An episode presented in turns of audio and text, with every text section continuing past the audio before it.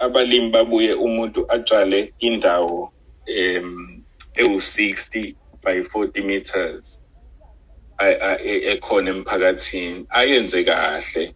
And then during the third cycle etshala which is unyaka nohafu loyo use approach ugovernment uthi hey siyalima sicela ama farms so um it's it's it's too big a step and ugovernment ububanika before abantu abanjalo without the necessary support bese beyafeyila bese kuthiwa abantu abamnyama banikwa ama-farms and eh bayahluleka kanti i- umuntu usuke engalandelanga i-gradual i-process yokukhula efanele em u- ukusho ukuthi i- i- i-jump ibe yigxathu elikhulu kakhulu em em i- i-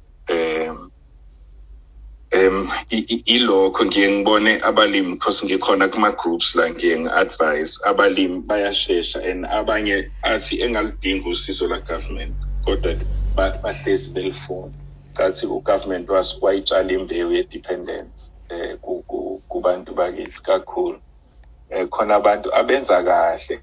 Engishwe sengibone ngathi ngase bathola i-guidance angaba umuntu fully commercial on their own angamdingi u- u- ugovernment ole insisa sika-government.